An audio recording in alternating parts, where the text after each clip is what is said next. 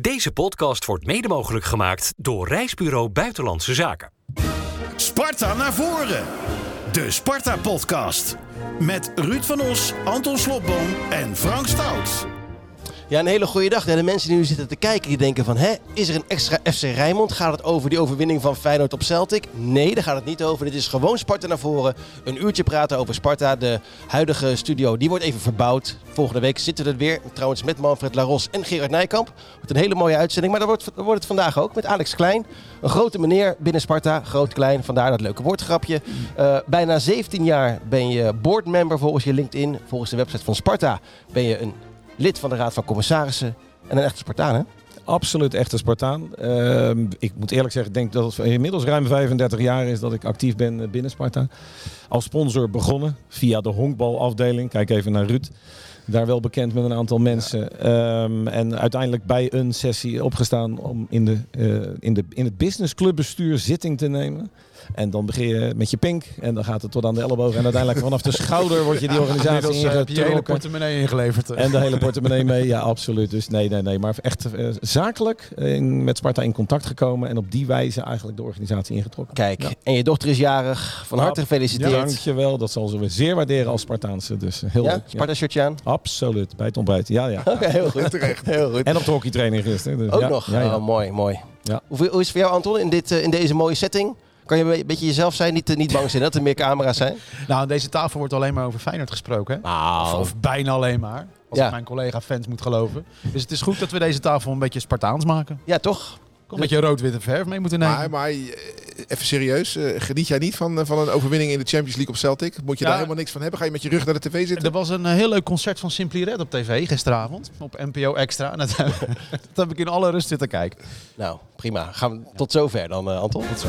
Bij neerlaag of victorie, Sparta naar voren.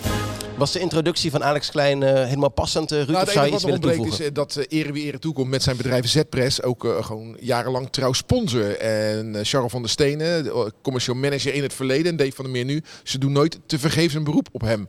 Word je daar wel eens niet gek van? Als je dan weer in het verleden Charles van der Stenen in je telefoon zag. En nu Dave van der Meer. Denk ik, oh, daar komen ze weer. Ik moet je eerlijk zeggen, ze bellen geen eens meer. Ze sturen gewoon een factuur tegenwoordig. Dus Serieus, het, gaat, het gaat wat korter op dit moment. Ja, nee, maar ja, Sparta loopt door de aderen. En uh, ik sta er altijd klaar voor. Dat klopt. Maar, maar hoe kan je dat in je bedrijf verantwoorden? Want je, je, je werkt natuurlijk, je bent de baas, oké, okay, maar je hebt ook te maken met medewerkers. Denken, ja, daar gaat weer patiënten naar, naar ja, Sparta. Dan moet je een heel stuk terug, denk ik. Want de oorsprong van Zpress, wat nu Zpress is, we hebben ook wel andere namen gekend. Renovo Sportbladen, Sportpress Holland. We hebben wat andere. Ja, dat is een weg die je bewandelt, ook zakelijk. Maar het is wel ontstaan bij Sparta. Wat, wat wij nu in essentie zijn, dat komt eigenlijk bij Sparta vandaan. En we zijn ooit bij Sparta bij de honkbalafdeling via een familierelatie van mij toen en een goede vriend van Ruud, Leo Sinon, betrokken bij de honkbalafdeling van Sparta. En vanuit die hoedanigheid in contact gekomen met de betaald voetbal. Omdat uh, degene die de redactie deed van het clubmagazine De Spartaan, Jos Masselink, uh, mij uh, toen eigenlijk al een beroep op mij deed om daar eens naar te kijken. En we hebben het eerste blad voor Sparta gemaakt. We hebben dat naar heel betaald voetbal gestuurd. Dat was in kleur, dat was redelijk uniek uh, op dat moment. En daar kwam 70% respons op. En ja, toen zijn we eigenlijk op die wijze de uitgeverij gestart. En dat is wat het nu is. We zijn nu met 60, 70 man in Dordrecht. En actief voor meer dan 25 betaald voetbalclubs. Voel je je dan ook een beetje ja. moreel verplicht, omdat je dit te danken hebt, een beetje ook aan Sparta? Ja, in eerste instantie is dat, dat gevoel overheerst zeker in het begin. Maar later niet meer. Dan is het gewoon puur de liefde voor de club zelf omdat je tot in alle geledingen iedereen kent en uh, erg betrokken bent. Nou, ik, ik, ik, ik, ga hier even op door, omdat uh, vaak wordt gezegd... Uh, sponsors, hè, dat zijn de mensen die zijn totaal niet geïnteresseerd in voetbal. Die staan maar een beetje wijn te zuipen. En die hebben verder niks met de club. gaat puur om zakelijke gewin. Nou, hier zit het, hier zit het tegendeel. Ja, nou ja, als ik Johan Derksen mag, uh, mag geloven. die schreef in januari 2003 een column uh, over jou. Toen je samen met Rick Moorman, een andere ondernemer, uh, Sparta redde financieel. Mm -hmm. Ik weet niet of het echt zo is, daar hebben we het straks wel even over. De kop van die column was... Rick en Alex maken Sparta belachelijk. Sparta wordt nu geleid door uit Amerikaanse B-films weggelopen macho's. Patsers die met geld macht kopen en voetbal ommenullen... die, hun, die het runnen van een zieltogende profclub onderschatten. Ze overschatten hun eigen kwaliteiten schromelijk omdat ze verblind zijn door een stuitende hunkering naar roem en publiciteit. Rick Moorman kreeg gezelschap van de aan jeugdige overmoed leidende succesvolle uitgever Alex Klein. Dat dan weer wel. Ze hebben geen enkele ervaring in de jungle van het profvoetbal, maar genieten van iedere seconde media-aandacht. Hartelijk welkom hier en gedragen zich uitermate camera bewust. Rick Moorman werd zelfs wethouder hacking genoemd uit die tijd. Ik weet niet of jullie genoeg, daarmee ja. bekend zijn, maar van Van Koot Ja, die, schoof altijd in beeld. toch? Maar dan hou je het aardig lang vol in die eh, voetbaljungle. Ja, ik denk dat eh, Johan Derksen wat dat betreft weinig veranderd is. Alleen in die tijd eh, kende sociale media nog niet de impact die het nu wel heeft. Eh, want anders was dat ook misschien wel viral gegaan of hadden we daar veel meer last van gehad. Ik moet wel zeggen, in die periode was mijn, mijn eerste vrouw heel ernstig ziek. En eh, toen had ik daar wel last van. Want ook mijn zoon onder andere werd op school. "Hé, je vader maakt Sparta kapot. Want dat stond er volgens mij letterlijk boven. Rick en Alex maken Sparta kapot. Terwijl wij de enige twee waren die nog, met Leo de Jong uiteindelijk, die opstonden om nog iets voor die club, te kunnen betekenen. En als je dan op zo'n manier geslacht wordt. Maar er lag een heel zakelijk ding aan ten grondslag. Wij hebben de, de, de grootste oplageblad van de KNVB, het blad voetbal toen met een oplage van een miljoen. Die opdracht hebben wij weggehaald bij Weekbladpers. En Weekbladpers is eigenaar van Voetbal VI. International. Ja, ja. Dus daar zat een stukje ja, verbitterdheid wellicht. Eh, maar ook, ik, wij kwamen voor dat interview aan in Gouda en er was één parkeerplek vrij. En daar stond een bordje Derksen op. Maar ik dacht, die zal er wel alvast, die zal vast al wel binnen zijn. Dus ik had mijn auto ook op zijn plek gezet. Dat, de, de, de start was niet helemaal lekker, zeg maar. Nee. Maar je hebt er wel last van gehad. Ik heb daar wel last van gehad, omdat mijn zoon ook aangesproken werd door andere jongens. Oh, je vader maakt Sparta kapot. En, en toen heb ik zijn baas gebeld, Kees van Nijnatten. Dat was de grootste baas bij... eh, ja, nou Kees van Kuilenborg denk ik Oh, dat ja. jij bedoelt. Maar dit is Kees van, Kees van Nijnatten. Dat was toen echt de grote baas bij Weekbladpers. En toen, ja, die, die heeft Johan daarop aangesproken. Alleen ja, Johan zou Johan niet zijn. Ook in die tijd al. Als hij de column de week erop gewoon weer begon over mij. Van Alex Klein heeft mijn baas gebeld. Nog erger. Oftewel, eh, ik trek me er niks van aan. Ik doe mijn eigen ding, zoals hij nu ook doet. En dat doet hij natuurlijk hartstikke leuk. Maar dat was toen een vervelende situatie. Ja. Maar we hebben niet opgegeven, we zijn gewoon door. eh. Nou, en was het toen ook echt zo dat deze twee mannen, Rick Boorman en Alex Klein, Sparta toen destijds gered hebben? Nou, laten we het zo zeggen. Eh, de Sparta-supporters hebben Rick Moorman en Alex Klein destijds verkozen tot Spartanen van het jaar. Nou, dat doen ze niet omdat hij van die mooie blauwe ogen heeft. Hij heeft echt wat samen met Rick eh, betekend. Eh, wij van Rijnmond waren er toen nauw bij betrokken. Hè. Dat was net voordat eh Bondhuis aantrad, die, die fase. Daarin, ja, dat kan jij veel beter uitleggen. Maar het water stond ons niet tot aan de lippen. Nee, het stond ons tot aan boven het voorhoofd.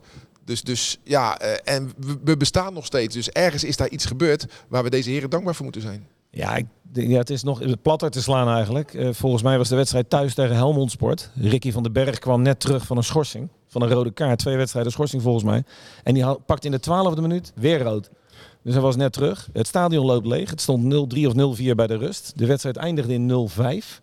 Eh, thuis. Er zaten nog denk ik 1500 man op de tribune op het eind. In het nieuwe stadion al. We hebben de gordijnen van de skybox, want die hadden we toen nog voor de zekerheid. Eh, Het gordijn naar beneden gedaan en we zijn gaan klaverjassen. En toen keken we elkaar eigenlijk aan van, dit is echt het einde. Dit voelde als het einde van de club. Toen heeft het toenmalige bestuur met onder andere Peter van den Burg, denk ik, die daar toen zitting in had, eh, een bijeenkomst bij, eh, bij elkaar geroepen. Om, en te vragen eigenlijk van, is er nog iemand, zijn er nog mensen die iets willen doen voor deze club? Want we zitten echt op een doodspoor op dit moment. Toen is Rick Moorman opgestaan, ik ben opgestaan. En Leo de Jong heeft ook zijn hand omhoog gestoken. Want die wordt dan in dit eh, enigszins ge- vergeten. Maar die heeft wel degelijk een belangrijke rol gespeeld daarbij. Alleen Rick en ik werden wat meer de gezichten van die operatie. En heb je enig, kan, kan je zeggen met hoeveel, eh, wat heb je toen eh, Sparta gegeven ongeveer? Nou, we hebben Sparta niet gegeven. We hebben een groep verzameld om ons heen. En die groep was al langer bekend bij Sparta. Erik Achten, Hans van Eelsbergen, Simon Simon de Jong. Eh, Rodenburg. Ger Bloemhoff is daar nog bij aangesloten. Bon Jongste één, eh, één jaar meegedaan in die operatie. In de gesprekken met de gemeente was de eis van de gemeente dat er een eh garantstelling zou zijn voor drie jaar. En wij hebben toen gezegd, nou we doen een kapitaalinjectie met die groep. Dat doen we ieder jaar bedrag X in de club om in ieder geval overeind te blijven en een sluitende begroting neer te leggen. Maar verder nog, we staan garant voor alle tekorten in de komende drie seizoenen. Dus eigenlijk, ja, carte blanco check is overdreven, maar we konden het wel enigszins zelf behappen omdat we ook de dagelijkse leiding voerden op dat moment. Maar het was wel ja, echt een harde garantstelling. Heb je spijt gehad? Denk ik niet, hè? Zeker niet als Nou, je het ziet hoe dat voor drie jaar bedoeld was, dat eh, kan Manfred volgende week wel verder even- eventueel nog toelichten als dat eh, op tafel komt. was het eerste jaar op. Dat was denk ik na een maand of acht was dat op. Dat was de toezegging voor drie jaar. Dus daarna moesten we wat zuiniger gaan leven. Eh, maar goed, we zijn die periode wel doorgekomen. Me- absoluut dankzij de totale groep. Mooi. En Was nu, eh, Was dat ook de periode dat, eh, of was dat er net voor? Dat is me niet helemaal duidelijk. Met de mars naar, eh, naar het stadhuis en eh, alle supporters Zeker. naar Zeist om eh, de licentie met het bestuur samen veilig te stellen. Dat is was dat die toen. periode? Dat was toen. Ja, Ja. ja. Dat was ook wel bijzonder hoor. Ja. Zeker in Zeist. dat daar het Sparta-bestuur dus gaat pleiten om de licentie alsnog te krijgen van de KNVB. En dat daar dan, nou, ik weet niet, 200, 300 supporters ook bij zijn. En daar valt geen onvertogen woord. Dat is een ondersteuning. Er is niks gesloopt. Dat was gewoon een mooie bijeenkomst. Ik was erbij. Dus, en, en later vanaf het kasteel een mars naar het stadhuis. Om ook de, de gemeente te bewegen. Sparta te helpen. En ook dat verliep vredig en, en, en zoals het hoorde. En ik denk dat dat ook wel bijgedragen heeft aan, aan de besluitvorming. Ook, eh. Ja, de totale beeldvorming, absoluut. We hebben een club met bestaansrecht en dat tonen we zeker nu ook aan. Maar ook in die tijd hadden we Dus- gewoon absoluut bestaansrecht. Vorige week zat hier Steve Nieuwendaal. Toen ging het over de Dark Ages. Dat was tien jaar geleden. Maar eigenlijk was het twintig jaar geleden nog vele malen erger. Dat denk ik wel, ja. Want toen was de club echt op ja. sterven na dood. Ja, wat eigenlijk gek is, want we hadden net een nieuw stadion geopend. Daarvoor zitten eigenlijk ook Dark Ages, want ja, in het oude kasteel konden we niet verder. Dus dat ging open. Dat ging open tegen, eh, tegen Glasgow Rangers toen. Mooie avond. Ja. En daarna het in elkaar. Dat is heel gek. Ja, het is ongelooflijk natuurlijk wat er allemaal gebeurd is. Maar ook met eh, Frank Rijkaard, dat je met zo'n trainer degradeert. Dat is natuurlijk eigenlijk onge- onbedenkelijk. Aaron Winter was onze aanvoerder volgens mij in dat elftal. Op papier hadden we een fantastische groep. Op papier. Ja, op papier. Ja, Dat was zo slecht. Ja. Ik wil even naar de actualiteit. Eh, waar heb je dan AZ Sparta gekeken afgelopen zondag? in het stadion. Net als jij, Anton. Ja. Je hebt, en jij hebt genoten, zei je. Van In de gastvrijheid, ja. Hoezo? Kreeg je een bakje koffie? Ik kreeg koffie. Ja. En Van- een paar biertjes. kinderhand ja. Ja, ja, ja, en een glaasje cava. Ja, ja, het is mooi. maar Het dan zat je niet in het uitvak. Nee, ik zat niet in Nee. het uitvak. Nee, ik was genodigd door iemand. Dat is wel die komt beetje- met iemand mee. Maar dat, is, dat nou, is dat nou niet een beetje hypocriet? Want Ja, zeker. vaak val jij mij aan op het hoofdgebouw supporterschap. Ja. En nou ben je zelf... Ja, eh, nou heb ik ineens eens gekeken hoe het in jullie wereld is. En eh dat is aardig toe voor. Ja, Ik ben je toch al meerdere keren aardig tegengekomen. Dat is altijd een afloop. Nee, ja, ja, de- ja, ja, Eerste kwartier goed, toch? Ja, Ja. prima. We En kwamen dat- goed voor de dag, inderdaad. En daarna is het echt een stevige mate groot. Nou, als ik dan de reacties lees, is het allemaal hartstikke negatief. Terwijl het niet zo heel erg gek is dat je daar verliest, toch? Totaal niet, denk ik. En als Lauritsen die goal eh, maakt, dan wordt het dan ook nog 2-1. En dan wordt het ook misschien 3-1 of 4-1, dat kan.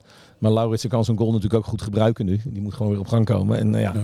dat was helemaal een mooie plus geweest. Maar voor de rest, in het laatste half uur, eh, denk ik dat we niet weggespeeld zijn. Totaal niet. Nee, ik, ik was wel verrast, eh, wel, want op een gegeven moment heb je verloren. Dan ga je kijken, waar kan ik hier nou nog lichtpuntjes uithalen in de rest van de, van de wedstrijd? Nou, dan zie ik Van de Kust invallen. Vond ik zeker niet slecht. Ik zie Metinho invallen. Vind ik zeker niet slecht. En dat vond ik dan, als we het dan toch over een negatieve wedstrijd hebben, want je hebt verloren, vind ik dat toch wel de positieve puntjes. eh. Was je ook zo negatief, Anton? Nee hoor, nee, ik kan een maatje te groot zijn. Ik was zo jaloers op Mijnlands dat we die niet meer hebben. En ik, ik dacht nog even terug dat, aan het seizoen waarin Mijnlands wegging. Zat hij heel vaak op de bank in het begin. Zeker. Achteraf echt krankzinnig dat we hem zo lang ja, Nou, laten. Dat is niet helemaal waar. Want hij, Hij heeft aan het begin van vorig seizoen gezegd: Ik ga nu eh, minimaal eh, 25 wedstrijden spelen. En hij is vanaf dat moment dat hij dat zei, is hij opgeheven. basisspeler Ja, geworden. het was ja het seizoen daarvoor. Daarvoor, met maar toen was het seizoen al begonnen Ja. toen hij dat zei. Hè? Ja. Het seizoen was al begonnen. Toen zei hij, ja, ik moet gewoon spelen. Ja. Toen gebeurde dat. Ja. Maar Dat win je ook dat, maar dat win je wel even af voor de duidelijkheid eh, op basis van je prestatie op het veld. En niet op basis van een interviewtje. Wat trouwens wel een heel goed interview was, maar dat uh, terzijde. Had jij maar- het gedaan, zeker. Oké. Nou ja, maar bij AZ draaide hij een week eh, na zijn vertrek al mee eh, eh, met Napoli uit, bij wijze van. Ja. Ja, maar Dat dat was ontzettend goede speler. dat was ook omdat Dani de Wit geblesseerd was. Als We Dani de Wit natuurlijk niet geblesseerd was geweest, had hij ook al een tijdje op de bank gezeten. Hoor. Ja. Nou, toch, eh, het was een goede speler. Zeker. En de Dus we invalbeurt van Briem, denk ik. Ja. Ja, nou, en dat is ook. de breedte van de bank is natuurlijk heel belangrijk. Wou ik net zeggen, we, we herinneren ons allemaal de Briem van vorig jaar. Nou, we hebben dit seizoen meegemaakt dat hij twee keer scoorde tegen Feyenoord. Dat had een, een, een, een incident kunnen zijn, maar ik vind dat hij eh, ja, echt van zich doet spreken. En je zou er zelfs over kunnen nadenken om misschien hem gewoon in de basis op te stellen naast Lauritsen. En dan misschien met Saito, Lauritsen en, en Briem te gaan spelen. Zou zomaar een optie kunnen zijn. eh. Ik Mooie zie- vraag voor Gerard volgende week. Ja, ja. Ja, ja, maar ja, eh, ik zie jou knikken. Ben jij geen eh, bestuurder of lid van eh Raad van Commissarissen die daar een beetje zijn zegje eh, probeert Nee, dit- te doen? zeker niet. Voetbaltechnisch zeker niet. Heb je geen verstand- heb je hebben geen we verstand een mening. 0,0. Ben je wel eens kleedkamer ingelopen? ik heb 25 jaar bij Alexandria 66 mogen voetballen op het amateurniveau. Dat was helemaal prima. Maar niet in het eerste. Nee, nee, nee, nee, nee. In de selectie dat wel, maar niet in het, eerste. wel in het eerste. Mag je op de bank zitten, hè, geloof ik. Ja, morgens ja. met de tweede en dan 's middags met het eerste mee. Ja, dat zijn van die hele leuke herinneringen. Ehm, nee, nee, nee, nee. Maar goed, in vergaderingen laat je wel natuurlijk. Ja, je draait ook 35 jaar mee in het voetbal. En je hebt wel wat meegekregen en gezien. En eh, je hoeft niet per se een hele goede voetballer te zijn om enigszins te zien wat er nodig is. Dus zoiets zou ik ook wel bedenken. Ja, met Briem naast eh Lauritsen, waarom niet? hè? Dus, Maar eh, kijk, Sparta is natuurlijk best een kleine club. Toen Ja. Sparta echt in nood zat, heb jij bijvoorbeeld Henk ten Katen naar Sparta Ja. gehaald, Ja. toch? Dus je bemoeit je wel degelijk met 2013. wat er op het veld gebeurt. Ja, want op het veld er was ook echt iets nodig. En Henk ten Kaat, eh, ja, daar zijn we goed bevriend mee geraakt. Ook als families, eh, gezamenlijk vakantie. Dat soort dingen allemaal meegemaakt. Kinderen op zien groeien.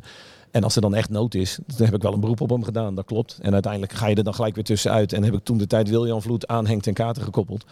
Want ik had echt gedacht dat Henk dat nooit zou doen. Maar hij deed het echt. Gratis. En ook gewoon Ja. onbezoldigd. Echt, want dat iedereen denkt dat hij dan een zak geld gekregen zou hebben. Hadden we ook wel tegen hem gezegd. Je krijgt een fantastische premie als je het redt. Wilde hij ook niet. Nee, En klopt het ook dat het destijds zo was dat jij er zo trots mee was dat je met Ruud eh, ergens een bespreking had en dat je dat tussen neus en lippen eh, door even drie keer liet vallen? Ja, Dat kan best wel eens nodig geweest zijn. dat kan best wel eens nodig. Soms kan je Nou, best iets laten was, druppelen. Ja, toch? een- We hadden een voorbespreking over het rood-wit mannen Dat was het, en, ja. en Ja. vrouwendiner. En dat, dat was 125-jarig bestaan. En er moest een plek vrouw ge- gehouden worden voor de nieuwe trainer. Ja. Maar omdat hij zo enthousiast was en ik wist zijn relatie met Tekate. Ja, ik zei dat kan niet anders dan Tekate. Hij was zo enthousiast en eh, ik had het goed. Ja, en toen ben jij naar buiten gegaan, even de redactie hier opgebeld van joh, het wordt ten kate, berichtje maken. Precies. Dus af en toe dan eh, praat je mond nog wel eens voorbij. Nou, dat niet meer helaas. Niet Nee, meer? Of helaas. Nee, dat is beter van niet. Maar nee, nee, nee, nee, dat is echt ligt ver achter ons. Maar we hebben natuurlijk in een eh, roerige tijden wel gehad dat het nodig op straat lag. Dat is een publiek geheim, denk ik ook dat. Maar dat is echt achter ons. Dat Maar jij was niet het lek? ons. Ik durf te zeggen dat ik niet het lek was. Dat Nee. zeker niet. Nee. En nogmaals, soms kan je ook voetbaltechnisch wel eens iets laten druppelen om iets in beweging te krijgen. Dus eh, soms kan dat ook wel eens nodig zijn. Ah, dus je gebruikt ons een beetje. dankbaar gebruik Ja, van. ja, ja, heel zeker, goed. zeker, Ja, we hadden het vorige week natuurlijk over de, eh, met, met Nieuwendaal over de Tenkate-periode. hè, En, Ja. eh, Roda uit. Jouw eh, bespiegelingen. We hebben, we hebben vorige week die van Steve gehoord Ja. over eh, Nico Pellat. Hoe, hoe kijk jij terug? Want jij was er ook Dat heel... interesseert jou heel erg, hè? Dat Nou Nico ja, maar- eh, ja, dat ik- heeft zoveel ja. pijn gedaan natuurlijk. Ja. dat zit diep bij Ja. ons. Ik ben na de wedstrijd, dat doe ik nooit. Ook in die periode deed ik dat nooit. Maar wel naar de kleedkamer gegaan om ja, Henk op dat moment ook direct te bedanken voor al zijn inspanningen. Maar goed, in niet te mis te verstaande woorden liet hij wel los van dit stinkt, dit klopt niet enzovoort. En ja, eh, Pellet was de volgende dag richting het oude Oost-Duitsland volgens mij vertrokken. Eh, ik weet niet of we daar inzicht hebben in allerlei gek, want financiële... hij stond onder contract. Ja, ja, ja, ja, ja. Maar goed, Dus heeft dan eens- besloten van nou, ga jij maar weg? het is heel simpel. Henk analyseert dat helemaal. Overigens is, is er ook nog een goal afgekeurd eh, waar iedereen over, overheen stapt omdat de bal over de achterlijn geweest zou zijn. Maar dat, dat was ook gewoon een, een zuivere goal. Dus Ja. ook richting Zeist had Henk ook wel zijn bedenkingen. Maar goed, daar kan je nooit te veel eh, over, Dus over ga je zeggen. weer, Liesveld? Ja, volgens mij wel. Ja. maar goed, met Pellat zijn voet opzij, als hij een voet opzij zet, dan heeft hij die bal. Weet je. En dan niet één keer, maar twee keer. Dit Dus is dat, wel eh, mooi. dat hè? blijft een vaag verhaal. We Maar hebben natuurlijk heel veel nieuwe supporters. Ja. De laatste jaren is het veel drukker dan toen. Ja. Eh, die denken echt, waar hebben jullie het Ja. over? Hè? Hè, ook over 2003. Sparta valt bijna om. En daarom, Het is nu altijd uitverkocht. En echt veel mensen die hebben Nou, maar dit, geen dit, idee. is, dit is nog maar tien jaar geleden, dus 2013. Ja, zeker. Maar de Dus Sparta is, is, eh, veranderd Het hoor. is geen bok de korven tijd. Nou waar ja, we de club is natuurlijk nog een keer erns- ernstig in de problemen gekomen. Ook in de, met, stond de licentie ook onder druk, omdat we gewoon de liquiditeit niet sluiten. maar doe je nou op? Ja, volgens mij was dat die periode. Met, toen we gedegradeerd waren, wederom. Heeft heeft de club het weer financieel heel zwaar gehad. Dat was toen- het, we degradeerden in 2010. En tegen ben nog- Excelsior. precies. En ik ben eh, volgens mij met Atemos, eh, uiteraard, dat verhaal. En toen hebben we weer ernstig... Die deed het niet gratis. Nee, maar ernstig, ernstig in de problemen. Nou ja, het enige wat je Aad kan verwijten, vind ik, want hij heeft wel iets teweeg gebracht bij de club. Er werd echt scherper getraind, er werd veel scherper gevoetbald. Ik denk dat Ruud, Anton toen ook daar dichtbij stond. Dus er, er gebeurde wel iets. Alleen in die laatste wedstrijd, ja, als het dan bijna klaar is, dan moet je natuurlijk niet naar de cornervlag rennen om de bank te bellen dat er eh, een bedrag bij komt. Maar dan ren je het veld in desnoods, pak een rode kaart, zet de boel scherp. Ja. Die laatste, dat is het enige wat je hem zou kunnen verwijten, wat mij betreft. Voor de rest heeft hij er toen alles aan gedaan. Maar dat, dat is, ja. En, en daarna zijn wij dus weer in de problemen gekomen. Een te dure huishouding. Sparta heeft gewoon een hele dure huishouding voor de divisie. we kwamen toen in problemen. Eh, dat fascineert mij. Dan heeft Aad toen wel zijn geld gekregen. Uiteraard. Dat was allemaal afgewikkeld. Als je dan zegt van nou, eh, de helft is ook goed. Nee, nee. Sparta komt wat dat betreft altijd de afspraken na. Dat zijn gewoon zaken die je na moet komen. Daarna zijn we dus aandelen van de club gaan verkopen. Ja, die heb jij toch? Een aantal, maar we hebben de stichting Rood-Wit. Daarin zijn wat aandeelhouders ver- vertegenwoordigd. En daar mag ik eh, voorzitter van zijn ook. In de belangen van de investeerders eh, behartigen. En Nu, nu zitten mensen te luisteren die denken, hey, Stichting Rood-Wit, eh Ja. One Tier Board, eh, lid die van is er niet meer, hè, de One Tier Board. Maar Raad van Commissarissen. Maar wat doet een Stichting Rood-Wit dan? Stichting Rood-Wit, eh, nogmaals, dat is, daar, zijn- daarin zijn de aandeelhouders eh, gegroepeerd. En die, eh, daar zit nog, denk ik, en dan kan Manfred volgende week veel beter toelichten, een procent of 13 in. Ik weet niet of het heel interessant is, maar Nou, dat weet ik ook niet, maar nou ja, ik denk voor een medesupporter toch wel interessant om te weten dat er nog een vehikel is, oftewel een Maar- gremium in vaktaal, eh, waarin nog 13% van de aandelen van Sparta Rotterdam Maar luister eens, zouden jullie het kunnen verkopen aan Saudi-Arabië als je dat zou willen? Nee, nee, is onmogelijk. Dat is allemaal geborgd. Ja? Ja, Hoe dan? Kan niet. Omdat Sparta, je altijd een aanbiedingsplicht hebt naar Sparta. En eh, dat kan onmogelijk door aan derden doorverkocht worden. Het mooie is dat, dat Sparta in de loop der jaren ook een soort doorgangshuis is geweest voor bestuurders. En nu jij het over deze constructie hebt, moet ik ineens aan Willem Brukker denken. Die naam komt ineens weer omhoog. Die was daar toch nou bij betrokken? Niet bij, niet bij de oprichting daarvan, maar die heeft wel meegedaan ook met een groep om dat eh, tot stand te brengen. Ja. Willem Brukker, onze VVD-corrivé. Ja, je ziet hem nog regelmatig op het kasteel. Hè? Ja, zeker. zeker. Maar dat geldt voor iedereen. En ook al heb je een conflict gehad. Henk van Stee is de gast bij mij in de box. Dat maakt allemaal. We zijn ook gewoon Spartanen tot in, de, tot in de kern. En als je zakelijk een probleem hebt met elkaar, want dat zie ik het toch al zakelijk. En je lost dat op een correcte wijze op, dan kan je ook gewoon weer door diezelfde deur. Maar wie ik dan- en naar buiten. Maar wie ik dan nooit meer zie bij Sparta, maar dat jij bent vaker in het hoofdgebouw dan ik, dus corrigeer me als ik het fout heb. Peter Bondhuis. Peter Bondhuis is weinig geweest. Die is er nog wel is geweest. Maar ik denk bij Danny van Leeuwen dan bijvoorbeeld. Bij een van zijn eh, bevriende relaties. En hij was natuurlijk heel close met eh, inmiddels overleden Erik Achten. En eh, daar, Erik is ook nog één keer op het stadion geweest. En ik denk met Peter toen ook. Dus, maar incidenteel. Ja, dat klopt. precies. Dat Maar, precies, maar ja. wat, wat, is, wat is daar de achterliggende gedachte achter? Is hij vervelend met jullie? Of, of, of... Nee, totaal niet. Nee hoor, want ik heb gewoon nog contact met hem. Of dat via social media is of wat dan ook. Maar er is gewoon contact met Peter Bondhuis. En hij is ook gewoon welkom. Dus eh, nee hoor. Er is geen Nou ja, rancune kijk, vanuit de eh, club. Of vanuit nee. mij persoonlijk helemaal niet. Nee, en Peter is natuurlijk lang weg, maar niet heel lang geleden heeft hij nog een soort reddingsplan bedacht om weer terug te komen bij Sparta. Dus bij, Peter, ja, bij jou is geen rancune, maar Peter heeft het natuurlijk wel moeilijk gehad met hoe dat ooit eindigde. En hij heeft toch wel gedacht van misschien kan ik nog een rol spelen. Ja, dat en zal- inmiddels is hij natuurlijk best op leeftijd en Ja, kalm. Maar volgens mij is die... mijn vader ook, die zit er ook nog steeds. Die zit er ook nog steeds. Ja, maar volgens mij is Peter een paar keer naar binnen geslopen ook. Ik heb hem wel eens gezien eh, zo aan de zijlijn. Dat kan natuurlijk ook Hij is toch een gezichtsbepalend figuur Zeker, geweest voor ja. Sparta in deze eeuw. eh. Hey, nu is het best lekker in het verleden. Ik wil nog heel eventjes even uh, AZ. Sparta af, uh, afhandelen. De Spartaan van de week. Kunnen we iemand uh, aanwijzen? Ja, natuurlijk. Natuurlijk. Nou, Je bedoelt als Spartaan van de week? ja, ja, ja. Ja, Nicolai. Oh, die maakte de ene redding was echt geweldig, hè? Ook. Hè, die bal heel dichtbij en dan toch pakken. En het mooie, kijk, Nicolai die houdt van clean sheets. Vorig jaar had hij er heel veel. Nou, dit jaar lukt het niet. En de manier waarop hij kijkt als de eerste tegentreffer is gevallen, die vind ik zo mooi. Dat is zoals een sportmanblik is dat. En dan eh, richt hij zich toch weer op. Ik weet niet met wat voor gevoel hij op het veld moet staan. Hij had gewoon bij Ajax kunnen spelen. Had hij gewoon in de basis gestaan waarschijnlijk. Moet best moeilijk zijn, maar hij stond er toch. Wie heb jij, uh, Ruud? Maurice Stijn. Gewoon op, omdat ik hem steun wil uitspreken. Hij zal... Ja, zou die spijt hebben? Maar is dat een Spartaan? Nou, weet ik niet. Maar ik vind het echt verschrikkelijk wat die man nu overkomt daar bij Ajax. Wat een zootje is het daar. Zeg echt ongelooflijk. Dus eh, ja, dit Ja. is mijn manier om een beetje steun aan eh, Stijn uit te spreken. Hij heeft het ons eh, fantastisch gedaan bij ons. En dan is een stap naar Ajax, een promotie, begrijp ik heel goed. Maar wat een ellende maakt die man mee, zeg. Nou, weer met die Michelin, dat verschrikkelijk. Ja, Dus, eh, ik uh, ben heel je benieuwd echt deze niemand, week. eh. Ja, soms moet je echt koesteren wat je hebt. Hij had het zo goed bij Sparta. Ja, maar iedereen, Ja, elke trainer had dit gedaan. Elke je trainer had dit gedaan. Ajax. Kom op. Nee, nou ja, de- ik weet het. Hier moeten we blijkbaar dankbaar zijn. En op onze knieën naar Amsterdam. nee we, hebben, Nee, maar, we hebben het over we de stonden wel Jij bent nou cynisch, maar dit is een geweldige promotie natuurlijk voor hem. Nou, blijkbaar niet. Want de voorwaarden zijn helemaal fout daar. En dat had hij volgens mij kunnen weten. En ik, Ja, het lijkt erop alsof hij als een soort marionet is gehaald. En dat moet je nooit doen. En bij Sparta was hij geen marionet. Bij Sparta had hij het heel goed voor elkaar. Als de trainer van Sparta, wie het ook is, benaderd wordt door Feyenoord, PSV of Ajax, dan gaan ze gewoon. En gelijk Maar hebben waar ze je ook heen gaat, jij ook, als jij naar NPO 1 kan, dan vraag je toch ook wat zijn de voorwaarden? Ja, nou, dat, dat gesprek En als zij zeggen, jij mag niks bepalen. Ja, Maar, dat eh, vraag ik maar me. dat zal niet gezegd Maar dat zijn. zal niet gezegd zijn hoor, nee. dat geloof ik echt niet. Nee. Wij hoorden hoorde- het ook die donderdagochtend natuurlijk. Dus eh, precies hetzelfde. Want je, je hoorde de de, donderdagochtend na Twente eh, Sparta. In de play-offs. begon het door te sijpelen bij ons. Nee, Op- en Via deze onder. Ja. die tijdlijn klopt niet, hè? Nee. Want donderdagochtend was de wedstrijd nog niet gespeeld, toch? Jawel, dat was de eerste wedstrijd. Toen hoorde je het al. En toen zijpelde al door dat er iets precies, stond te gebeuren. oh, oké. Dus de voorbereiding van Twente-Sparta. nee, toch de, eerste wedstrijd, de eerste wedstrijd was Sparta-Twente, hè? Ja, Ja, wij wisten ja, dat precies. niet. Sorry, ja, maar dan is de voorbereiding op de beslissende wedstrijd in Enschede... is op het kasteel wel gekleurd door deze geruchten. Dat wisten wij natuurlijk niet.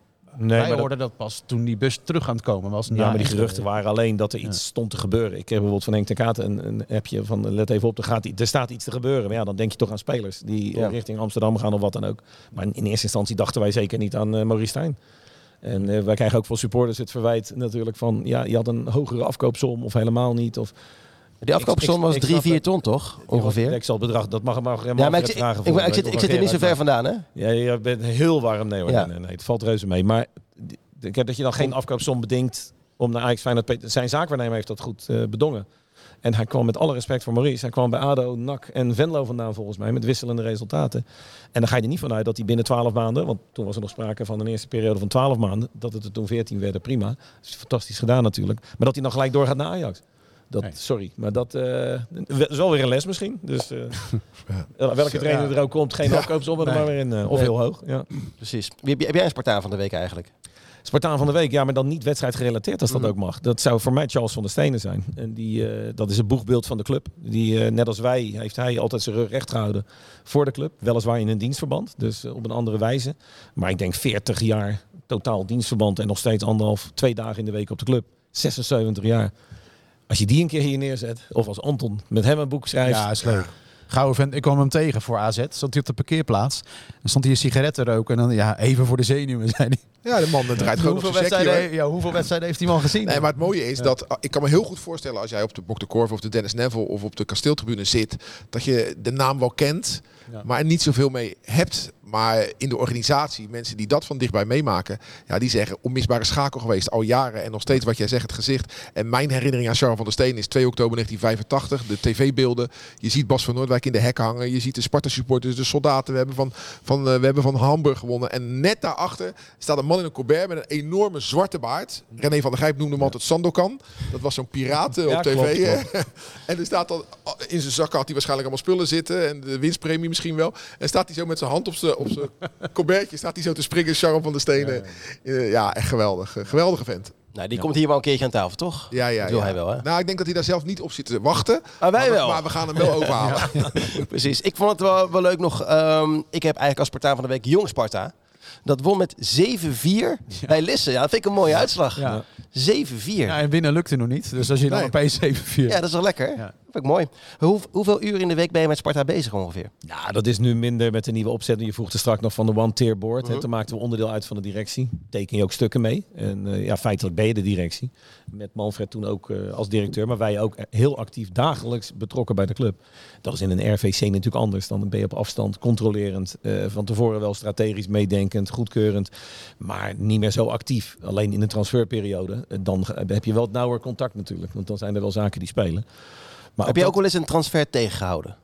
Nee, niet, let, niet op persoonlijke titel sowieso niet. Dat doe, je, dat doe je als collectief. Maar je geeft wel je mening, uiteraard. Ja, maar dat kan ook met een trainer zijn. Maar we hadden een RVC, toen kozen we voor een one-tier board. En nu kiezen we weer voor een RVC. Wat zijn dan de overwegingen om dan eh, te, steeds te wijzigen? Ja, het, nou, het steeds te wijzig. Ik denk dat dat de enige keer geweest is. We, heel vroeger, maar toen werkten alle clubs denk ik met een dagelijks bestuur. En eh, wat controleurs op afstand. En het, het kwam met een beetje uit Engeland over waar je Heerenveen en ik dacht ook AZ hanteerde toen ook een one-tier board. Waarbij heel veel duidelijkheid is in één gremium, zoals dat heet, in één gezelschap. Sorry Alex, wat is het verschil tussen eh, One Tier Board en RVC?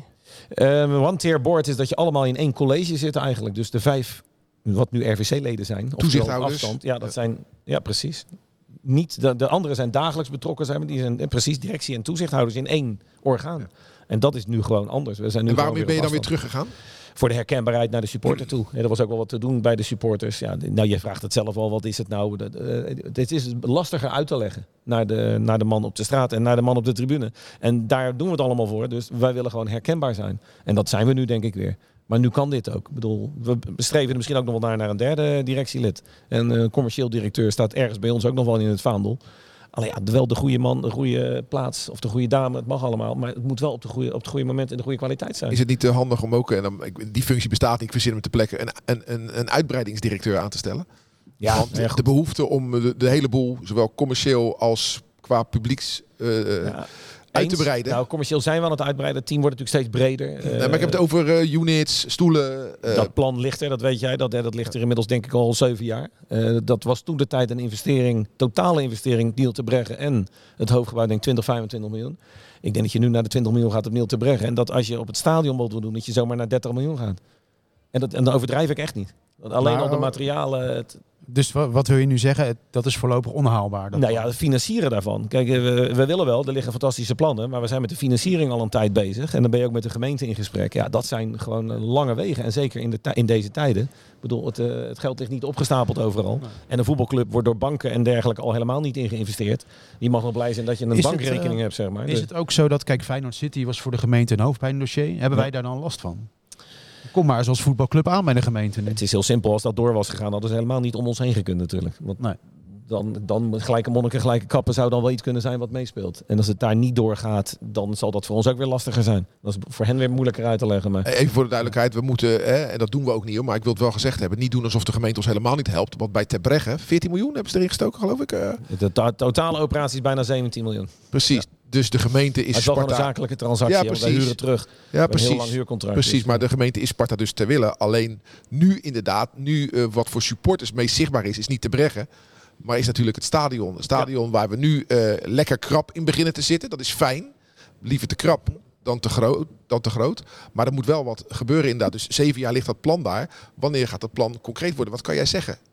Ja, wat kan jij zeggen? Kijk, eh, zakelijk heeft natuurlijk de meeste impact op je begroting. Eh, ook dat is weer eigenlijk een vraag voor Manfred wellicht volgende week. Maar daar, daar zit je grootste winst. Eh, De commercie groeit wel degelijk. We komen van 4, 4,5 miljoen af. We gaan naar 7 miljoen dit jaar. Totale begroting gaat richting de 17 miljoen. Dat is voor Sparta een record. Hoogte. Dat hebben we nog nooit gehaald. Alleen wel met de middelen die we nu hebben. Dus je gaat het met name in de tariefstelling zoeken. Dus je gaat steeds omhoog. In plaats van dat je eh, in, in kwantiteit. Je breidt in kwaliteit uit, maar niet in kwantiteit. Een derde laag skyboxen er bovenop zou een optie kunnen zijn. Eh, tribunes doortrekken naar het veld zou mijn hart ook nog steeds stelen hoor. Dat meen ik eerlijk. Want kort op het veld is het mooiste wat er is. Maar ja goed, je zit wel eh, nat in die eh, eerste Ja. tien rijen volgens mij. Alhoewel volgens mij in de Kuip en andere stadions zit je volgens mij ook vooraan gewoon. En dat daar in, wel een nieuw stadion maar- ja. maakt geen plekken waarbij je eh, niet onder een dak zit natuurlijk. Dus dat, Nee, zijn, dat maar- is gek. Ik denk dat uitbreiden naar voren, dus richting het veld, is toch ook onmogelijk. Onze hele logistiek in het stadion Ja. is toch ingericht op die gracht. De trappen naar beneden, als moet je ingang aan de achterkant gaan maken. Ja. We hebben daar horeca eh, recent onder de Dennis Neville tribune Ja. geüpdate. Ja, Zeker. dat is dan zeker. allemaal weggegooid geld geweest. Ja, maar dat zou zelfs voor de videoballs gelden. Als je daar het stadion omhoog gaat brengen, zou je die ook weer moeten gaan verplaatsen. En daar hebben we ook Ja. voor in geïnvesteerd. Maar je kijkt, je kijkt ook naar zo'n model als bij Heracles. eh, waarbij je een omloop krijgt aan de bovenkant. En waarbij je wel degelijk van boven gaat laden, wat jij bedoelt. Ja. Dus die opties zijn er wel, maar alles draait om financiering, financiering. En de gemeente heeft ons in 2003, dan komen we toch weer terug bij dat jaar, natuurlijk ook fantastisch geholpen door het stadion te kopen voor 6 miljoen. Alleen we hebben daar wel een enorme huursom tegenover gezet. Dus het was ook gewoon een vastgoedtransactie. Uiteraard dank aan de gemeente, want de andere partijen stonden niet klaar op dat moment. Maar het is ook gewoon een transactie. En, en die transactie is nu niet te maken of, of moeilijk. Waar, waar, waar hangt We het zijn dan op? eigenaar van het stadion, dus dan zou je het stadion weer moeten verkopen aan een andere partij. Dus daar zou je iets mee kunnen doen. Eh, je kan het, en andere zekerheden zijn moeilijk te stellen. Maar, Individuele spelersrechten mag niet meer. Dat is al sinds Nee. een jaar of vijf eh, tot acht maar het stadion verboden. verkopen aan een andere partij, dat is toch niet iets wat we overwegen? Want Nee. we waren dolblij dat het kasteel van ons werd. Precies. Dat was de toekomst. Je hebt je eigen stadion in bezit. Iedere club droomt daarvan. Als je het niet hebt, Het kasteel is Dus dat overigens nog gaan van we niet Hans. doen, toch? Van ja, het kasteel zelf. Ja. Ja. Ja. maar goed, het stadion zelf natuurlijk is van Ja. Sparta. Ja, maar, jij, hebt het over, jij, jij, jij, jij, er nooit vanaf. je hebt nu twee keer gezegd, hè, dat was een zakelijke transactie met de gemeente. Eh, Dus waarom is die transactie nu niet dan te maken opnieuw? Ja, je wil eigenaar zijn. Kijk, wij zijn flexibel in het stadion. We kunnen doen en laten wat we willen. Klinkt eh gechargeerd misschien, maar je hebt natuurlijk allerlei richtlijnen. Maar wij kunnen heel veel. We zijn baas in eigen huis. En anders zal je Ja. toch weer met de gemeente. Dan gaat de gemeente gek gezegd het gras maaien. Ik, ik noem maar iets. Maar Ja. zij moeten dan het onderhoud ook gaan doen. Ja. Ja, dat is in, Ja. mijn, in mijn optiek niet te wensen. Nee. Ehm, Maar, ja- maar je, je, je wil het afronden, zie ik. ja, Maar ja, ik ja, zeker, zeker, zeker. Eh, jij bent niet Manfred. Je, je verwijst terecht door, want dat moeten we volgende week dan maar vragen. Maar wat is jouw inschatting? Wanneer gaat er een verbouwing aan het stadion beginnen? Ja, dat kan in fases. Je zal, je zal ook daar gefaseerd wellicht moeten werken. Nou, wij, prima, zijn geen, maar wanneer wij, gaan we beginnen? ja, wij zouden binnen, binnen twee jaar zouden we willen beginnen. Dat staat nog steeds op de agenda. ja, is dit het antwoord wat je wilde horen? Ja, Nee, binnen twee jaar beginnen. Dat is wel de planning. Zeker. Ja. Eh, Jij, jij bent vanuit die RVC ben je ook mede verantwoordelijk voor het stukje commercie. Hè? En nu zegt Anton altijd, zonder dat hij het zelf hard kan maken, er valt veel meer uit te halen uit die commerciële afdeling. Eh, heeft hij daar een beetje gelijk in? Haalt Sparta er commercieel alles uit? Nou, ik denk dat we met die inhaalslag juist nu wel bezig zijn. Dus eh, ik denk dat Anton daar best een, een punt heeft. Zo, Alleen we zijn Anton? nee, Ja. een punt. één punt. Hè, geen drie. Dus eh, nee, we, daar is wel meer uit te halen. Ook door meer manpower. Want we hadden natuurlijk wel, ja, gewoon een klein, eh, kleine organisatie. Eh, Ik bedoel, als ik kijk bij andere clubs, dan loopt daar 10, 20 man op com- commercie rond. Bij ons hadden we Dave, Jelle, Michiel en nog wat ondersteuning. Maar en dat was Michiel, het. is, en Michiel is weg. Michiel is weg, maar goed, we hebben daar weer twee mensen voor terug. En we hebben marketinggebied natuurlijk wat uitgebreid, dus dat groeit wel. Maar als ik niks te verkopen heb, hoef ik dat team ook niet verder heel drastisch uit te breiden. Kijk, richting nieuwbouw zal dat wel moeten, want we willen naar themaboxen toe. We willen grotere skyboxen maken, een, een vastgoedbox, een, een, een financiële box waar allerlei partijen elkaar kunnen ontmoeten. themaboksen eigenlijk heet dat. Ja, dan heb je weer eh, verdere uitbreiding van je commerciële team nodig. En als je zegt, wat kan je nog verkopen op de in de huidige situatie? Ja, dan, dan ga je een heel teer punt aanraken. De stadionnaamgeving, dat levert bij heel veel clubs heel veel geld op. ADO Den Haag bijvoorbeeld, die liggen, dat stadion ligt natuurlijk ook op een geweldige plek. hè. Carsjeans, hè, geloof ik. Of niet nee, meer? niet meer. Nee, dat is Bingo. Bingo. Bingo. Oh, en, wat, en wat levert dat, dat ongeveer op? Ja, dat zal denk ik een ton of vier, vijf per jaar opleveren. Alleen die hebben een goede zichtlocatie en dat is een contract voor tien jaar. Nou ja, dat ga je dan vaak naar de voorkant halen. In het verleden deden wij bij Sparta natuurlijk ook dat soort constructies. Eh, Dan kocht je iemand een skybox. Dan wil je hem alvast betalen voor vijf jaar. Want dan kunnen we dus, dat, die tijden zijn, liggen ver achter ons gelukkig. Maar in de eerste divisie gebeuren dat soort eh, transacties nog steeds. En naamgeving bij Sparta, ja, dat is vloek in de kerk natuurlijk. Dat, eh, Tuurlijk. We hebben ook een imago te bewaken, meer dan andere clubs natuurlijk. Hè. Ik bedoel, het Eneco Kasteel, zo heette het nooit trouwens. Het was natuurlijk het Eneco Stadion. Ja, precies. Maar dat was voor je lelijk, toch? Ja.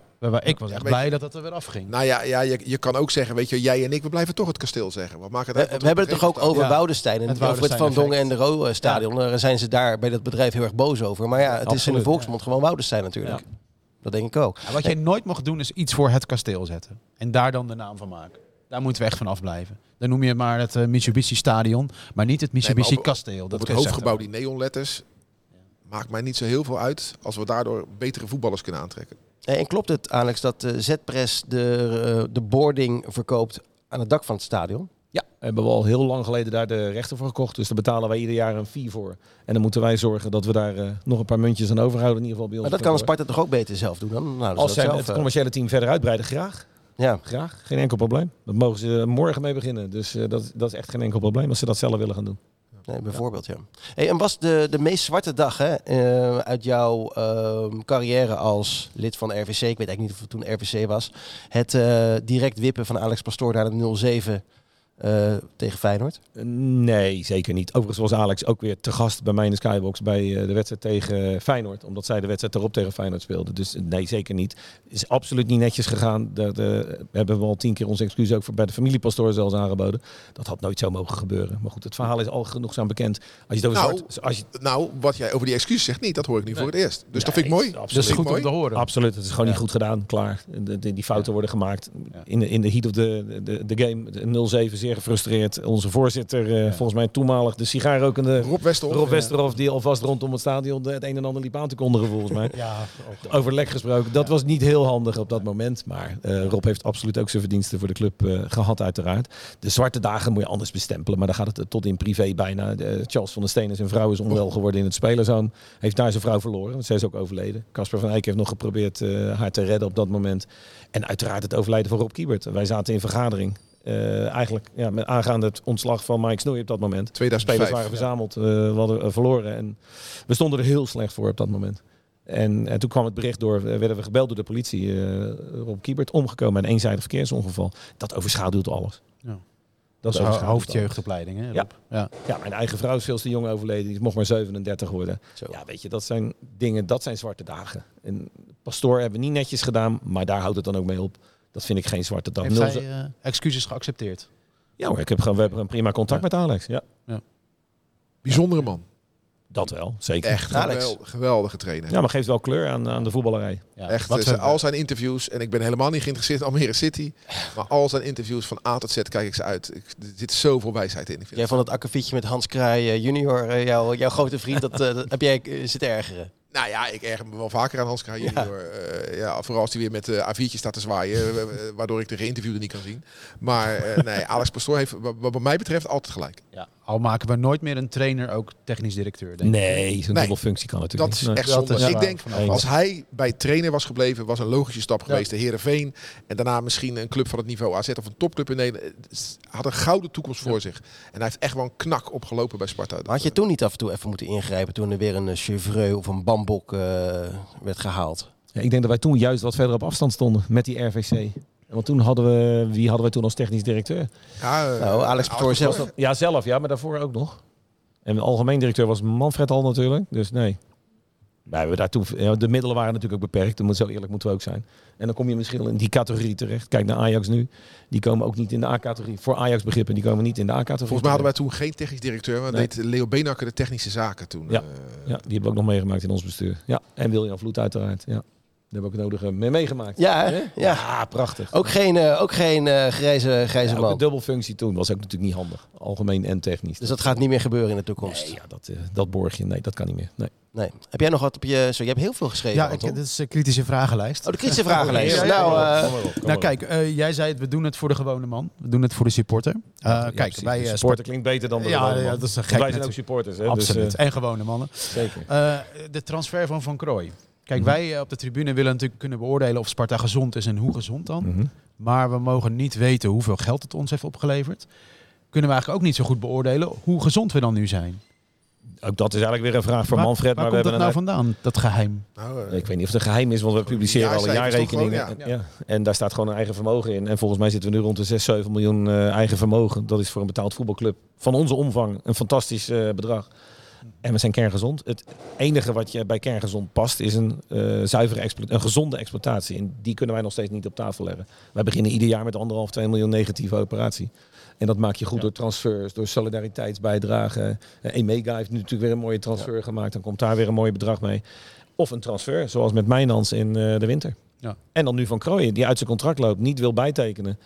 En ja, dan weet Gerard hoe het werkt, eh, gelukkig. En dat kunnen we heel goed aan de directie overlaten. Dan gaan we afscheid nemen. En, maar wel voor het juiste bedrag. Maar dat juiste bedrag weer meer. Dat, is, dat juiste bedrag is gekomen. Voor ons is het juiste bedrag gekomen. Hoeveel was het? Genoeg. Ja, Stel die vraag gerust heb geduld tot de Maar begint het nou? Ja, Ja, maar je precies. kan Ja, niet maar in details, je kan niet alles in details. kunnen we wel af van dat in de min beginnen? Ja, willen. Dat het willen streven is nu om in ieder geval Ja. de min 2 terug te brengen naar min 1. Maximaal, omdat we weten dat we dat ieder jaar kunnen compenseren uit extra inkomsten. We hebben straks natuurlijk ook meer televisiegeld te besteden. Eh, alleen dat krijgen alle clubs. Dus de, angst, de zorg bij de RVC is dan wel weer, gaat dat geld dan weer allemaal uiteindelijk naar de spelers. Dan krijg je, eh, dat geld moet gewoon eigenlijk. 10% moet naar je facilitair, 10% jeugdopleiding, 10% eh, sociaal betrokken, sociaal-maatschappelijk. Ga daar nou eens mee beginnen. Ga dat televisie, ga daar nou eens KPI's aan koppelen. En gewoon zeggen, je gaat met dat geld... Je moet een aantal dingen anders invullen. In plaats van alles maar weer in die... Ik weet al hoe dat gaat in de eerste divisie. Die gaan die ene spits toch halen. Want Ja. dat tonnetje meer is nu binnen. Ja. Ja. Daar moet je vanaf. Zit er nog meer op, Anton? Nou, je had het over de jeugdopleiding, 10%. Je hebt bij Sparta twee stromingen. Eentje zegt eh, alles in het eerste. Je hebt een stroming veel meer naar de jeugdopleiding. Hoe kijk jij daarnaar? Jeugdopleiding is bij ons, zeker in die eh, dark days, als dat, dat dan de dark ages geweest zijn, is iedere vergadering op tafel geweest. Omdat ja, je, je, je stak 2, 2,5 miljoen soms in de jeugdopleiding. Of soms structureel. En dat was ook je tekort. Dus zeg het maar. Eh, dat is wel heel vaak, dat ben je ook verplicht vind ik, om dat steeds te toetsen. Of dat er eh, rendement oplevert. Want het moet ook renderen. Zijn we dan dichtbij geweest het, bij het schrappen van de jeugdopleiding? Ja, als je moet kiezen Zo tussen eh, failliet gaan of overleven door het een jaar of een aantal jaren zonder jeugdopleiding te doen, dan is dat wel degelijk op tafel geweest. Alleen dan haal je je, je kern uit je DNA alweer weg. Dus dat was het aller, aller, allerlaatste wat ooit gedaan zou zijn. Ja. En bouw het maar weer eens op. Want dat met name, ga het dan maar weer opbouwen. Maar dan kijken wij als, wij als voorstanders van de jeugdopleiding Ja. naar ons eerste elftal. En dan moeten ook wij als voorstanders zeggen, ja, lopen geen jeugdspelers in. En dan begint het toch een beetje te knagen. Hè? Van, of, Ja, er timmeren er wel een paar op de deur nu natuurlijk. Hè. We het. hebben een mindere lichtingen gehad. Dat heeft volgens mij Henk van Steer ook een aantal keren toegelicht. eh, Dat er ook zorgen baarden in die tijd. En dat klopt ook wel, want er is weinig uit doorgekomen. Maar er zijn wel een aantal jongens die nu wel op de deur gaan kloppen. Volgens mij Jesse Bal zijn eerste goal eh, gemaakt, dacht ik. In Jong. Eh, dat is een groot talent. Volgens mij heeft hij er twee gemaakt afgelopen, eh, afgelopen weekend. Twee? Ja, ik Ja, als er dat zeven totaal zijn, dan... eh, Dan zou hij er zomaar twee gemaakt kunnen hebben. Maar ook zijn eerste dus. ja. ja, Dat klopt. Ja, Ja, ja, zeker. ja, heel goed. Dus nee, die jeugdopleiding, eh, nee, nee, dat, dat is Sparta. Sparta jeugdopleiding, dat, Ja. is, dat is één. één. Ja. Dat idee van schrappen komt nooit meer ter sprake, als het goed is in ieder geval. Zo is het, zo is het. Ja. Ja, we hebben nu makkelijk praten. Hè? We staan nu in het linkerrijtje van de Ja, ja, Eredivisie. ja. Ik hoop het niet, maar misschien dat er ooit een tijd komt dat we weer in het rechterrijtje, dat we weer gaan balanceren. En dan ga je dat soort dingen weer eh, horen Ja, het is natuurlijk. eh, de kern van het DNA. Ja. Denk ik. Dus Dat daar is echt mogen zo, nooit ja. vanaf. Sterker nog, moet er niet meer geld bij, want het, als het nog niet goed rendeert. En Nee, de andere jeugdopleidingen groeien ook. Je AZ bijvoorbeeld, geweldige Zeker. jeugdopleiding. Zeker. Ja, maar niet alle eh, jeugdopleidingen groeien in Nederland, hè, Anton. Nou, eh, de goede wel. Feyenoord, AZ, die, de, de middelen die ze daar hebben. Nou ja, maar die, eh, wij, wij hebben nu ook geïnvesteerd, want we krijgen een prachtig Ja, ja, complex op te breggen. Ja. Ik bedoel, betere faciliteiten gaat ook voor Ja, een betere we, opleiding schrappen, zorgen. maar we schrappen ook de busjes. Dus je kunt een geweldig complex neerzetten, maar de ouders moeten nu gaan uitzoeken. Ja, rij er zelf maar heen. Dat is een bezuinigingsmaatregel is geweest. Ja, om Ja. daar wel ook het hoofd boven water te houden. Want ja, het kost gewoon heel veel geld. Ja. En we, ook wel in overleg met ouders. Maar er is wel wat weerstand uiteraard. En dat ligt nog wel Ja. op tafel. Ja. Omdat En Sparta krijgt er weer een wel te 17 voor terug. Ja. Ja.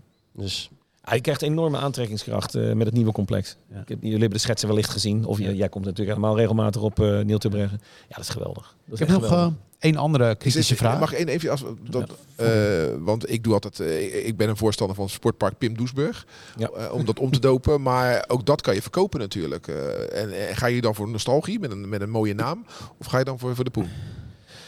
Ja, dan zit je weer in de spagaat natuurlijk. Het zou zelfs beide kunnen. En je kan natuurlijk ook bepaalde ruimtes benoemen nog door sponsoren. Maar Pim Doesburg, ik heb zelf op zijn afscheid met, met de uitvaart mogen spreken namens de club. Daar is ook echt de belofte gedaan. Hij is een, een legende natuurlijk bij ons. En het aantal wedstrijden wat hij voor Sparta gespeeld heeft, dat wordt nooit Ja. meer gehaald. Door niemand. 472 Ook niet over de 50 jaar, nooit meer. Nee. Nee. Dat wordt nooit meer ingehaald. Dus eh, alle, dat gaat er komen. 100%. Sportpark Pim Doesburg gaat nou, er dat komen? zeg ik niet. Maar er gaat wel een naamgeving met de naam Pim Doesburg plaatsvinden. Dat, Ja. Mooi. Terwijl de tribunes in het stadion bij ons natuurlijk eh, allemaal wel Ja. vergeven zijn. Ja. Nou Ruud, is het eindelijk gelukt, de lobby.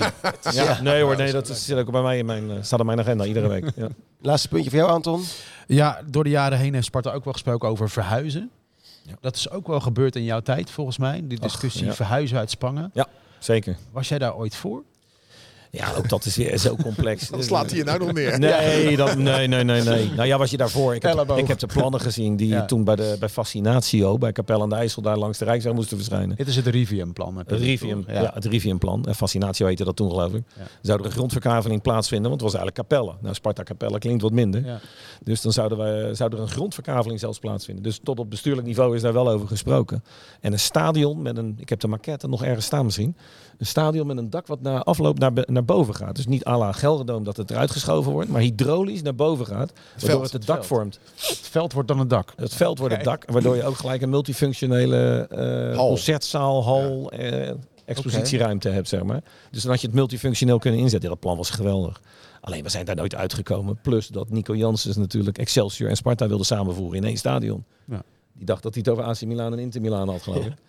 Dus dat, eh, dat, dat, dat was hem niet. Maar ook Feyenoord en Sparta moesten dat gesprek voeren vanuit de gemeente. Die gesprekken hebben wel plaatsgevonden. Maar goed, dat was een kop koffie en hallo bedankt. Want beide clubs wilden dat natuurlijk niet. Nu mag ik eh, de post eh Ja, natuurlijk. Ga je gang. Tijd voor de post. Wat zit er in die gleuf? Tijd voor de post. Want dit keer hebben we letterlijk een pakketje binnengekregen. Pakketje op zijn Spartaans staat erbij. Nou, en- Aan Frank Stout. ja, ja, ja, ja, ja, ja. Gek dit. Mooi hè? De enige niet-Spartaan aan tafel. Kan zo, dat nou weer? Zo is het, zo is het. Met een mooi kaartje erbij. En er staat bij een mooi stukje decor voor de podcast. Ah, wat. Oh, leuk. Ja. Dat, Nou, dat is, ja. eh, dat is Dat is voor onze hè? paspoppen die jij nog gaat ophalen, toch? Ja, nou, eh, te st- stagiair Freek, Freek die luistert mee. Ja, dus, eh, Maar de factuur zit er ook in, nog toch? Ja. Ja, ik het wel. Z-press staat, er, erop. Een schitterend, schitterend shirt met zo'n mooie, echt een zo'n Ode aan de stad. Ja, Dus deze dit- campagne dit was, was- goed, hè? Dit was goed, hè? Dat was Ja, toch 15 super. jaar geleden echt niet denkbaar, zo'n campagne. En hoe dit allemaal uitpakt. Het is een, eh, ja, het is Ja, een ik hoorde jou hartstikke net zeggen, uitverkocht. Ja. Ja, de L is ja. uitverkocht, hè? Nou, volgens mij zijn bijna alle maten al uitverkocht. Ja. en ze wordt gisteren op dit moment klein, dus- de, de dubbele oplage bijbesteld, geloof ik. Dus, eh, ik Ode aan de nacht hadden we eerst. Vorig seizoen het zwart en nu dus Ode aan de stad. Ja. Ik vind het echt prachtig. Eh, Het legt de lat wel heel hoog. Want waar gaan we volgend jaar een Ode aan brengen? Ode aan Spangen. Dat zou inderdaad een goed idee zijn. Ja, dat is een mooi. mooie knipoog naar de mensen die ons en eh, we hebben er afgelopen vrijdag kwam het shirt uit. Toen hebben we, mochten we er eentje weggeven in, eh, Ja. in FC Rijnmond. Nou, er zijn meer dan 300 mails eh, binnengekomen. Plus ook heel veel reacties op social media. Ja. En we hebben ervoor gekozen, net aan tafel, maar dat hadden we ook al eerder gedaan. Unaniem. Unaniem. Notaris heeft erop toegezien. Donny Scharlo. Ja, die kan het gebruiken. Donny ja. Scharlo heeft een mooie mail gestuurd. Echt een Spartaan. Ik heb het financieel niet al te breed. Maar ik zou heel graag dat mooie shirt willen hebben. Dus mensen, we hopen dat jullie het Donny ook gunnen. Wij gunnen het Donny wel. En eh, hij krijgt eh, dat shirt. Of hij komt hem een keertje ophalen. Moet even kijken hoe we dat gaan doen. Prima. Lijkt me mooi, toch? Hartstikke goed. Ja, ik vind het echt een, eh, mooi shirt. Daar heb jij niks over te zeggen, hè, denk ik. Nee, nee, nee. En Het zijn voor Anton de Celtic kleuren ook een beetje natuurlijk. Ook 1888, hè, Celtic? Ja. Ja. Wij zijn voor Glasgow, hè? Maar ik vind het alleen, eh, maar ik vind het altijd een beetje Ah, jammer dat het, eh, het logo is dan in een andere kleur. Dat eh, vind was ik altijd. eh, over van de Deelder-campagne, denk ik. is dat het? Ik hoop dat deze wel is zitten. toch Maar... mooi. Nee, Het is ook eh, mooi hoe dat tegenwoordig gaat, want het lekte dus uit. De fotoshoot in Ja. de stad. Iemand spotte een groen Sparta shirt, zet het op Twitter. Ja, Ja. toen wisten we het allemaal al. Maar jij wist het Het toch is al, want mooi. eh, die vriend van jou met die snor, dat is die kapper, dat is een Ja. vriend van jou. Simon of Chris, weet, ik houd het altijd door elkaar. Ja, wij wisten het, ja. Dus jij wist Ja, het. ja, moet een beetje geheim houden. Ja, Keurig dat- mooi. gedaan. Keurig. Het is echt mooi. Is, eh, dit nou merchandising voor ons serieus geld al, of niet? Inmiddels wel, ja. Inmiddels wel. Ik denk dat we bijna een miljoen euro aantikken nu. Zo. in de omzet bij merchandising. En dat komt bij tonnen, tonnetjes vandaan, zeg maar. En minder. Ongelooflijk, zeg. Dus ik, we gaan richting de miljoenen opbrengst uit eh, merchandising. Ik, weet- ik weet wat je gaat En zeggen. dan moet ik ineens denken aan die zwart-witte foto van ergens in de jaren, begin jaren 80, dat we een, een pipowagen hadden bij het kasteel. Waar we onze merchandising verkochten. Dat was een Sparta pinnetje, een Sparta vaantje. Frans Heijsten met eh, de daarnaast Kootje, met, met zijn kootje. Ja. En als je dan Ja. ziet waar je dan nu bent, ja, echt, eh, echt geweldig. Ja. Eh, ik, ik- regelmatig eh, als ik voorbij de, de fanshop kom, eh, ja, het is daar zo druk altijd. En eh, ja, dat heeft Sparta gewoon eh, Ja. aardig aangepakt. Ja, hebben ze goed gedaan. Zeker. en En ook die dagen, die dagen zo, hè, dan voor de derby, dan met die training, met dat vuurwerk en zo, gaat de fanshop ook open. Nou, dan eh, staan dikke rijen Ja. gewoon. Heel Ja, het slim. valt En, echt eh, op. Jij zegt, eh, verdienen we eraan? Ja, we doen dit natuurlijk niet voor de gezelligheid. Nee, kijk, maar we zijn natuurlijk maar klein. Maar als wij een, een miljoen aantikken met merchandise, met dat ene kleine zaakje wat we hebben. Ja, en online uiteraard. Ja, ja. ja. ze staan continu voor online in te pakken. Overigens heeft Sparta nu verkooppunten in het stadion. Ook eentje in de Dennis, in de Dennis Neville tribune. En het hoofdgebouw. Ja, En het hoofdgebouw natuurlijk. En eentje op de bok volgens mij. Ja, volgens Nou mij ja, het is in ieder geval Ja. overal. Ja. Maar dat is allemaal begonnen met de deal met uh, Robij en Zeker. Verdes van der Vlies natuurlijk. Toen dat echt een upgrade kreeg. Ja, je krijgt bijna de, de... Ik geloof dat we tegen Excelsior gaan we het voor het eerst dragen, hè? Ja. Ja, Excelsior. Maar Ja, dat is jammer, de- want dan is rood-wit eigenlijk mooier. Maar Dan krijg je de neiging om te zeggen, laat dat paars maar achterwege dan, hè? Maar Nee, dat nee, zal de nee. goudste niet zo leuk vinden. 100 jaar bestaan van de goudse. Hè? Dus, eh, Ja, Zie je wel. Er zit een klein daar is de raakvlak. aap uit de mouw. Precies, precies. Eh, we gaan naar de glazen bol. Met extra veel plezier namelijk. Ach jee. De glazen bol. Ja, ja, ja, ja. Voor de ja. eerste, eerste punten. Mijn eerste punten. Eh. Anton had namelijk bij AZ Sparta 0-2 voorspeld met een goal van Saito. Ja, was goed. Eh, Ruud dacht 1-0 op Pavlidis. Nou, een puntje erbij. Maar ja, ik had eh, inderdaad 2-0 voorspeld. Eh, wel het doelpunt van Mijnans. Dat eh, viel dan even tegen. Dus eh, dat zijn... eh, zijn Staat hij weer onderaan? Ja, hij staat weer onderaan. Ja, het is nu laatst altijd winnen. vijf voor jou, één voor Anton en drie voor mij. Dus de inhaalslag eh, is, is ingezet. We gaan naar Sparta Vitesse. Nou, Eh, 0-0. 0-0. Ja, wordt 0-0. Dus dan, eh of de Olij is een clean sheet. Ja. Dus dat is helemaal geen gek Nee, idee. ik, ehm ik eh, heb een stukje geluisterd van een eh, Vitesse-podcast waar Peter van der Zwan in te gast eh, was. En die gasten willen zo graag allemaal een puntje. Die gaat het daar helemaal dicht timmeren. Oké. Dus het wordt eh, het wordt 0-0. Eerste doelpuntenmaker valt dus niet. Oké. Nou, Nou, dan, eh, nou al zin in. Ja. maar nu mogen jullie. Nou, Ik zeg 2-1, Lauritsen. Geen clean sheet. weer niet. Nou, 2-1. Anton. Ik eh, ga voor 3-0. Zo. Ja. Zo. Ja. Zeg het maar. Ik ga voor 3-0 en ik denk dat Verschuren zijn eerste goal scoort. Ah, kijk. Vorig jaar werd het 3-1 trouwens. We kwamen heel snel op achterstand, maar toen was dat was een van die magische avondwedstrijden. Ja, Toen wonnen we met 3-1. En nu is het kwart over 12. Zondag Ja, kwart dat- over twaalf. Vind je niet Ja. lekker, hè, Alex? Zie je het? Dat Nee. zijn geen tijden. Nee, Ja, toch? kan Nee. Kijk, de sfeer is dan is er niet. Nee. Zeker in het begin niet. Ja, je vraagt je toch af of dat geen punten kost. Ja. Nou, en geld kost, want horeca technisch is het Ja, gewoon, ook, is, gewoon echt een eh, ramptijd. Ja. Toch is het zo dat we wel nog zondagmiddag aanvragen, toch? Jawel. Je moet toch een standpunt innemen als club? Ja, maar dan half drie SVP. eh. Ja, ja. Maar als het om geld eh, gaat, ik denk dat er op vrijdagavond, dan wel zaterdagavond, veel meer... eh, Absoluut. ja, hè? vind, je, vind je dat we Absoluut. van de zondag af moeten dan? Nee, helemaal niet. Nee, hoor. Eh, zondag half drie is helemaal prima. Eh, maar ook wat wedstrijden op zaterdagavond alsjeblieft. ja. Vrijdagavond niet te vaak. Dat hebben we te veel gedaan in het Ja. verleden. Dus, ja, maar, maar, maar Zaterdagmiddag tegen NEC was echt druk, hè? Ja. Was echt eh, volle bak en Ja. het bleef ook heel lang gezellig. Zaterdagmiddag absoluut. half vijf vind ik een heerlijke tijd. eh. Ja? ja, vind ik geweldig. Ja, Ja, dat is net na het amateurvoetbal. hoor. Nee, ik helemaal niet. Ja, Engelse dan tijd. jij in de dat. gordijnen bij je korfbalclub. eh. Ja, daar zitten lekker. Ja, precies. Ja, maar daar zitten heel veel supporters. Ik hier voor. eh, voor. Klopt, dat klopt. Ik zeg zeggen. eh, 3-1 in ieder geval, als Ja. je daar nog mee door wilde. Nou, heel 3-1. graag. En, eh, de, de eerste goal, Briem. Want ik denk Oh, dat die... eh, basisplaats, hè? Ja, wie weet. Ja. Heb, je, heb je al info? Nee, dat niet natuurlijk. Maar ik ga uit van 3-1. Maar jij gaat hem nu even doorheen eh, drukken. Appen moet basis, Hij ja. heeft wel invloed hoor. Gerard precies. appen Ja. nu. Het is het 3-1. eh, met Mika, Pinto. Ja. Hè? En die mis je nu al een beetje, vind ik. Zo, ja. ja, ja. En niet, Nou, dat eh, jij mist hem omdat je dat een hele aardige jongen Ja, vindt. Maar de backs zijn toch even een eh, niveautje minder. Ik blijf zeggen, en dat heb ik al gezegd, dus, eh, maar eh, we hebben 3,5 jaar echt met tranen in onze ogen naar Mika Pinto gekeken. Zo slecht was die. Alleen het laatste half jaar ging het goed. En dat, dat verheerlijken we gewoon nu. Terwijl geef die jongens die daar nu eh, aan het beginnen zijn, gewoon de kans. Want ook, eh, wat hadden we vorig jaar? Sambo begon niet goed, zat op de bank. Abels is nooit een hoogvlieger geweest. We moeten niet doen alsof we de beste backs van de wereld hadden. Eh, Geef deze mannen de kans. En Van de Kust viel goed in. Zeker. Dus eh, ik vind Bakari eh, ja, toch wel stappen voorwaarts maken. Dus eh, waarom niet? Nou, En. Vitesse, het rommelt daar natuurlijk. Dus eh, ja, de, Is het de in hoeverre dat op de spelersgroep doorwerkt. Rommelt het ja, daar heel erg? En, eh, het, Ja. het is nog in Russische handen.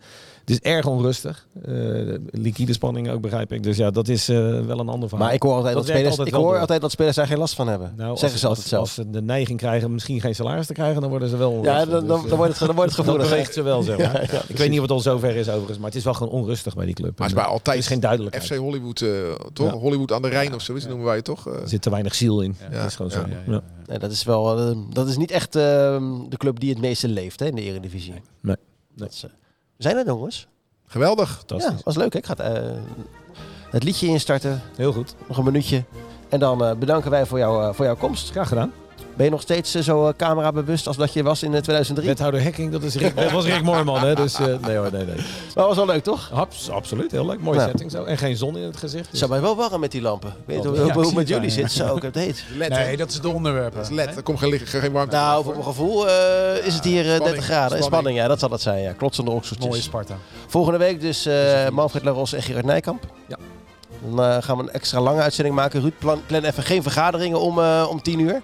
Ik zal even kijken volgende week. Nou, anders eh, beginnen we wat eerder. Dan neem ik eh, twee velletjes eh, A4 mee. Twee velletjes Oeh, A4. Kritische vragen. Eh, als er mensen zijn die vragen hebben voor eh, de technisch directeur en de algemeen directeur sport.rijmond.nl, dan nemen we ze mee. Zeggen we nu bedankt voor het kijken of bedankt voor het luisteren. Maakt niet uit. Maak er een mooie week van. Dag. Als Spartaan zijn wij geboren, als Spartanen sterven wij. In de geest van Bok de Korver Sparta naar voren! Deze podcast werd mede mogelijk gemaakt door Reisbureau Buitenlandse Zaken.